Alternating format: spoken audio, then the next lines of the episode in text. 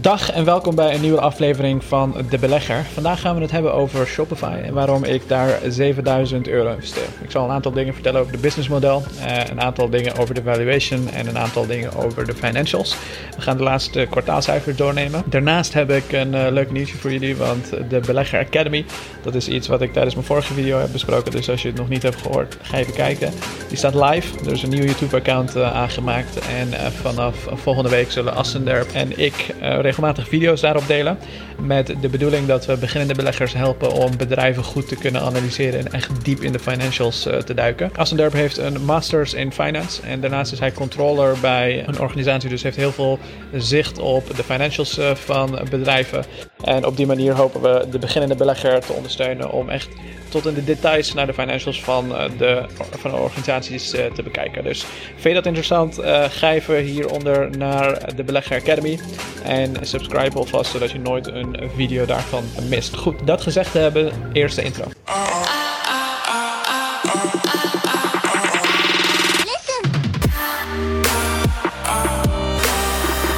Shopify is een van mijn meest succesvolle posities geweest ooit. Um, wat je hier voor je ziet namelijk is een groei van 126% over de afgelopen 7, 8 maanden ongeveer. Uh, dat is best flink, want ik heb ook een uh, stukje verkocht uh, op een gegeven moment. Maar Shopify is veel meer dan dat uh, voor mij. Want Shopify heb ik voor het eerst leren kennen toen het ongeveer 30 per aandeel was. En ik zat destijds het te overwegen om ze te kopen. Heel veel research gedaan en erachter proberen te komen wat een groeiprospect is en noem het maar op. En uiteindelijk ergens in 2017, toen het 70 per aandeel was geworden ben, eh, heb ik besloten om toch maar eh, een klein bedrag erin te investeren. Een klein bedrag toen de tijd was 15k. En uh, die 15k die heb ik over tijd heen kunnen laten groeien. Ehm, ik heb hem denk ik ergens hier in 2019 verkocht op 210 of iets dergelijks. dus ongeveer hier geloof ik.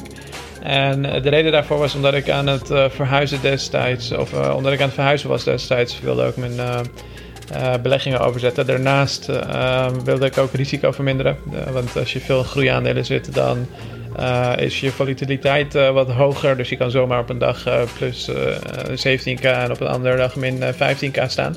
Daar, kon ik, daar kan ik nog steeds niet tegen. Dus ik probeer altijd na een bepaald percentage winst wel gewoon winst te nemen. En, en in iets lagere beta te stoppen. Dus bedrijven die wat minder volatiel zijn. maar goed, dat heb ik dus destijds gedaan. Ehm, maar als je kijkt naar wat een value investor zou zeggen, als ze kijken naar de balans van Shopify, dan schrikken, zich, schrikken ze zich rot, want ze maken geen winst als je naar de general accounting principles kijkt. Um, maar als je, als je naar de non-general accounting uh, principle kijkt, uh, dan uh, maken ze wel winst. En de PE-ratio is, ik geloof, meer dan duizend die je kunt voorstellen. Dus het echt, als, je kijkt, als je naar dat soort dingen kijkt, dan is het waarschijnlijk een van de meest overgewaardeerde aandelen die je op het moment kunt vinden. maar goed, het is overgewaardeerd om een reden. dit soort aandelen zijn vaak overgewaardeerd omdat veel institutionele beleggers erin zitten. Individuele beleggers die maken de markt niet echt. Wij hebben niet zo heel veel, ja, niet zo'n heel grote invloed op uh, dit soort dingen. Maar institutionele beleggers wel. En uh, het is vooral een stukje vraag en demand wat een prijsaandeel omhoog uh, krijgt. voor mij is dit een uh, groeiaandeel. En uh, een groeiaandeel, uh, heel simpel gezegd, als ik het even hier mag tekenen voor je, even klungelig, dan um, ja, heel simpelweg betekent dat dat het in een groeifase zit. Dus een bedrijf die maakt een groei door en altijd na zo'n groei gaat het terug naar de mediaan. Dus regression to the mean noem je dat. Um, stel Shopify, laten we dat nemen, dan zou dit eventueel de trajectory kunnen zijn. Dus dat ze keihard groeien. En hier een beetje afvlakken en uiteindelijk teruggaan naar de mediaan, wat uh, voor hun uh, toepasselijk is en dan langzaam en gestaag. Dat ze dan ongeveer blijven groeien, omdat ze bijvoorbeeld pricing power hebben of een competitief voordeel en dat soort zaken. de mediaan die blijft natuurlijk zoiets geks ongeveer. maar dit is de fase waarop je een groeiaandeel natuurlijk wilt pakken. Ik zal het even handiger doen. Dit is de fase waarin je een groeiaandeel wilt hebben. Want vanaf hier is de groei eruit en gaat het natuurlijk langzaamaan groeien. Dus waarschijnlijk beginnen ze tegen die tijd dividend uit te keren en worden ze echt een, ja, een aandeel zoals bijvoorbeeld een, 3M of iets dergelijks. Maar voorlopig zitten ze in de groeifase. En op Wall Street, in, in ieder geval als je veel naar CNBC luistert, dan zeggen ze no price is too high to pay for growth. En nu gaan we even kijken wat precies de businessmodel is en eventueel welke growth zij ervaren. Als je naar de website van Shopify gaat, dan zie je een aantal business lines die, die ze hebben. Dus de, ja, een aantal manieren waar ze hun geld mee verdienen. Ze begonnen initieel met een online store. Je kon heel simpelweg als de gemiddelde bakker of schoenenverkoper of noem het maar op een webshop bouwen. Maar over tijd heen werd het echt een cloud e-commerce platform waar ook de grotere brands zoals een Kraft Heinz bijvoorbeeld is een klant van ze uh, ook uh, hun producten konden verkopen. Uh, je kon heel makkelijk door allerlei technische dingen, zoals bijvoorbeeld een datafeed en al dat soort zaken, al je producten erop uploaden en je content managen en al dat soort zaken. Het was heel makkelijk voor mensen om te doen. En dat is ook hoe Shopify is gestart. Daarnaast zijn ze richting point of sale gegaan. Uh, dat betekent dus, uh, ik, bijvoorbeeld, ik was um, uh, een jaar geleden, dus vorig jaar in New York. En in New York, toen, je, toen ik naar Nike shop ging, dan zie je al wanneer je gaat afrekenen een Shopify uitcheck balie staan, zeg maar. En uh, je betaalt daar gewoon heel simpelweg uh, en alles is online voor ze geregeld. Uh, Square is een competitor daar, of in ieder geval is altijd een competitor geweest. Enig verschil tussen Square en Shopify is het feit dat Square ook offline biedt en de betaling daar is anders. Dus je betaalt per transactie, terwijl je bij Shopify een maandelijkse bedrag betaalt en hele lage transactiekosten verder. Dat is heel handig voor kleine ondernemingen, ook zeker voor de grotere die heel veel transacties uh, hebben. Uh, daarnaast kun je ook tegenwoordig uh, een checkout, je volledige checkout aan Shopify overlaten. Dus dan concurreren ze ook met bedrijven zoals Stripe bijvoorbeeld en andere payment providers. Als je kijkt naar de revenue stream, dus van al die business lines, waar komen ze nou allemaal vandaan? De meeste van de revenue streams die komen van de maandelijkse recurring revenue. Terwijl je ziet dat een heel groot groei is in de apps, teams, domains, Shopify Plus en fee, revenue. Um, daarin vallen dus ook bijvoorbeeld transacties die worden gedaan via uh, de point of sale systems. Uh, maar apps bijvoorbeeld zijn ontzettend handig voor meeste gebruikers, omdat meeste mensen niet kunnen coderen en hun website uh, goed kunnen bouwen. Dan is het super handig om dat soort apps erbij te hebben. Dus je ziet, ze zijn volledig aan het diversifieren.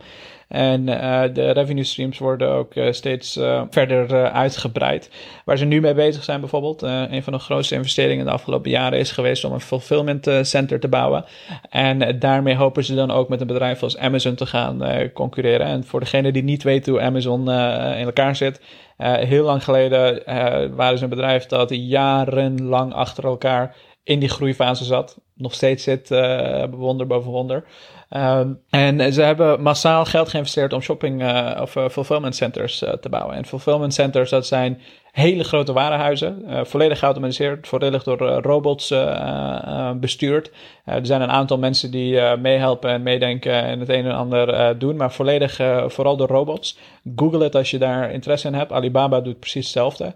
Maar fulfillment centers zijn bedoeld om over heel uh, de wereld, of uh, laten we even de US nemen, over heel US. En alle staten bijvoorbeeld een fulfillment center uh, te hebben. Dus het is een hele dure, een hele dure grap om zoiets te bouwen. Maar als je het helemaal gebouwd hebt, dan is het voor de consument ontzettend handig en simpel om iets te bestellen. ik denk dat je het waarschijnlijk wel herkent, maar als je iets bestelt, dan wil je het heel snel hebben.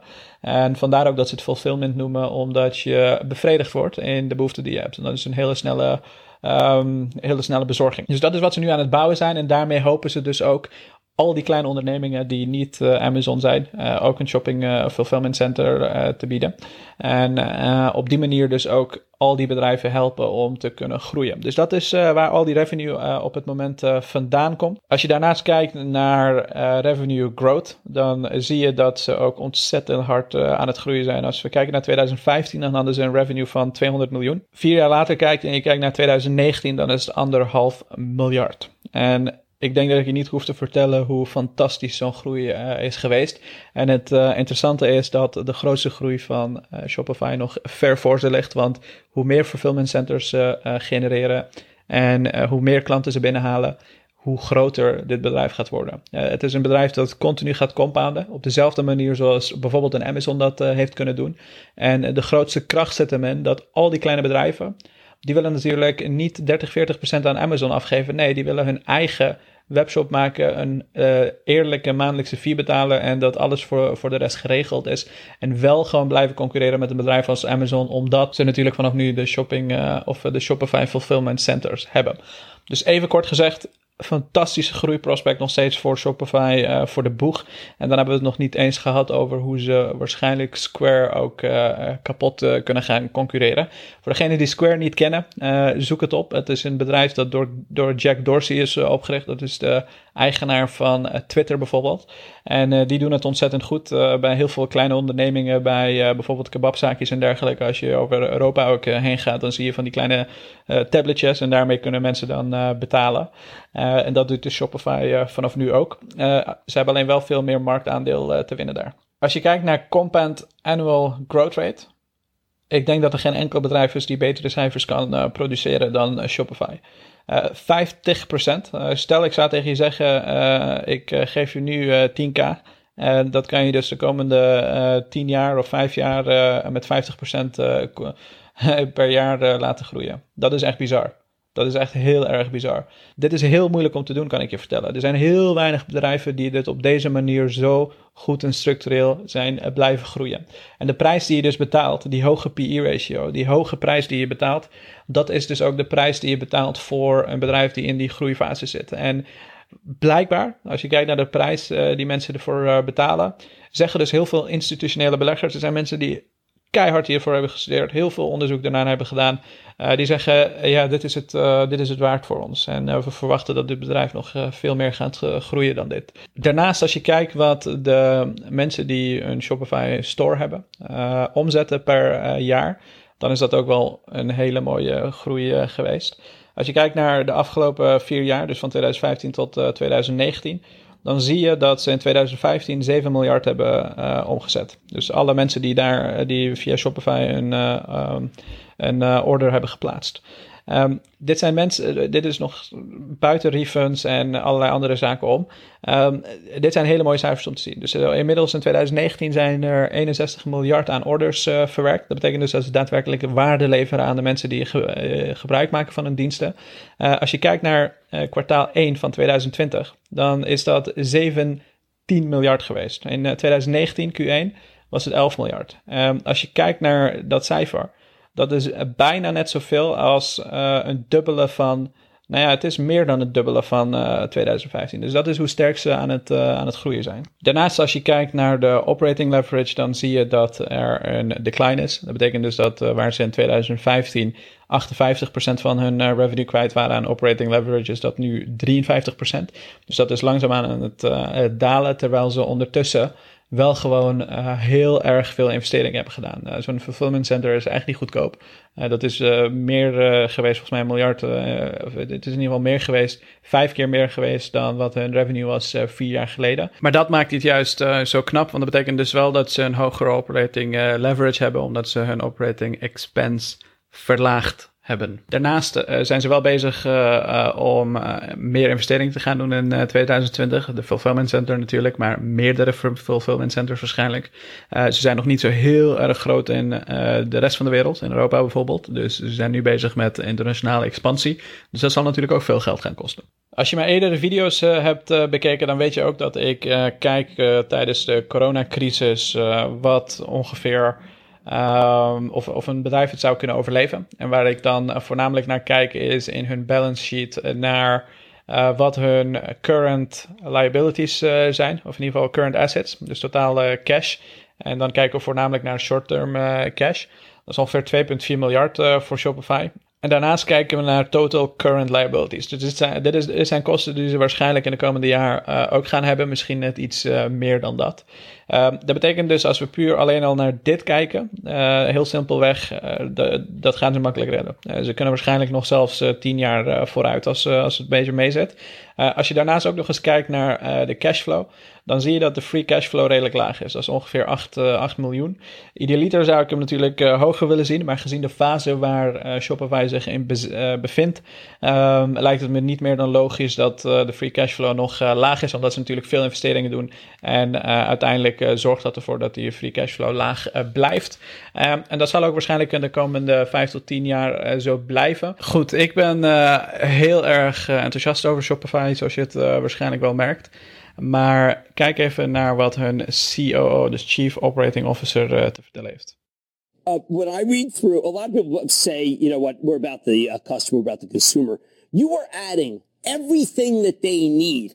Uh, this Shopify fulfillment network is exactly what they need to compete with the big guys. Yeah, what we're trying to do is figure out, okay, what are all the barriers to success that a small business or even a big business may have? And slowly but surely, we're crossing those off the list. We start with e-commerce and then point of sale for physical commerce, payments, shipping, logistics, capital, and now the Shopify fulfillment network. Is it. I mean, first of all, it was a joyous conference call, which I, you know, I absolutely love, but uh, more than a billion dollars per week.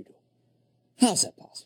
Yeah, $61 billion for the year, which is up 49% from the previous year. Uh, but this is a story of independent brands and entrepreneurs right. doing really, really well. And consumers are voting with their wallets. And I think Shopify is powering the entrepreneurship movement. Million merch, million merchants. That's just fantastic. Now, uh, you've offered something that I think is long time coming. People like point of sale, but they don't want to pay a fortune. I'm going to be just right. Just say it. I know that Square has empowered people, but they take a big chunk will you be superior technologically to Square? We hope so. So point of sale is something, and brick and mortar retail is something that most people think is actually dead. It is not. Brick and mortar retail is important. It will always be important. And so last year we announced our new hardware kit with our point of sale. In the next couple of months, we're coming out with Shopify point of sale next, which is our new software. We think that we can be as impactful on physical retail as we've been on online retail. You offered something I've always felt because my daughter sold stuff on Etsy she always said it would be big international, but I don't speak the language. You're speaking the language. Yeah, yeah. So in, uh, traditionally, Shopify has really been focused on the English-speaking world, but now 29% of our merchants are outside our core English-speaking geographies, and international growth is going to be a major part of 2020 for us. You had an amazing, I'm going to use it because I loved it, I learned it, BFCM Black Friday, Cyber Monday. That was incredible. $3 billion went through Shopify during those four days and uh, 25 million consumers checked out. And the best part about it was at our peak, we saw $1.5 million per minute happen through Shopify. That is the example where direct to consumer is no longer a fad. It is now steady state and it's being powered by Shopify. We're at the center of that. Two years ago in San Francisco, I told people I had met you. And I said, uh, this was an unbelievable company. I think it, I think you quadruple and everyone got made quadruple except for two large investors, two large companies. I will not mention who they are because they told me not to, who said they came to you and said, listen, name your price and you wouldn't sell. Yeah, we want to build a hundred year business and we're about two decades into it. So we got 80 years left to go, but we want, we believe that we can do something really meaningful. We think we can be the entrepreneurship company. Uh, while other companies are trying to build empires, we are arming the rebels. And honestly, the rebels are winning.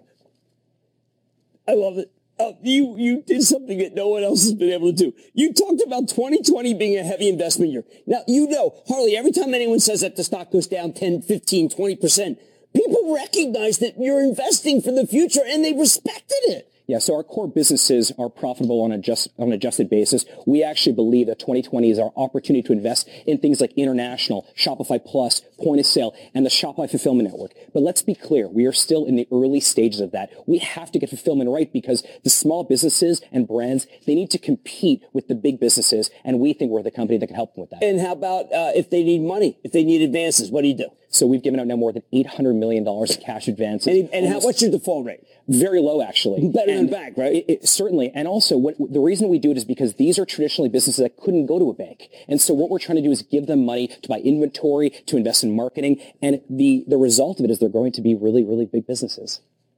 How many people do you think you've empowered?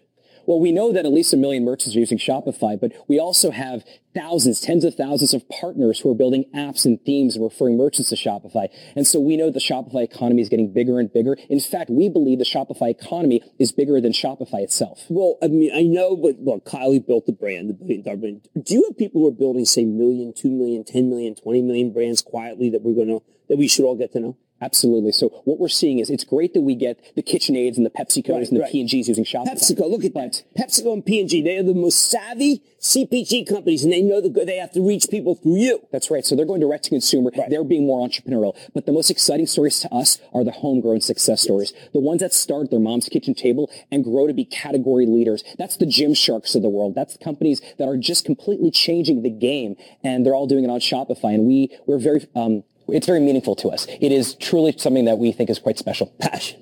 Passion. Just pure passion. Ja. Dat, dat, dat was echt een fantastisch uh, interview. En uh, ik denk dat de CEO ook een hele toffe man is om naar uh, te luisteren. Ik denk dat hij heel goed weet waar hij het over heeft. En ik denk ook dat Shopify heel veel van de dingen die ze opnoemde waarmaken. Uh, ze kijken 100 jaar vooruit. Er is nog 80 jaar uh, te gaan voor ze wat dat betreft. En het is echt een bedrijf die ervoor zorgt dat de kleine ondernemer, maar ook zeker de grotere multinationals die dit al jaren doen, uh, de juiste tools krijgen om ervoor te zorgen dat ze online een business kunnen bouwen. Zowel uh, online trouwens als uh, offline.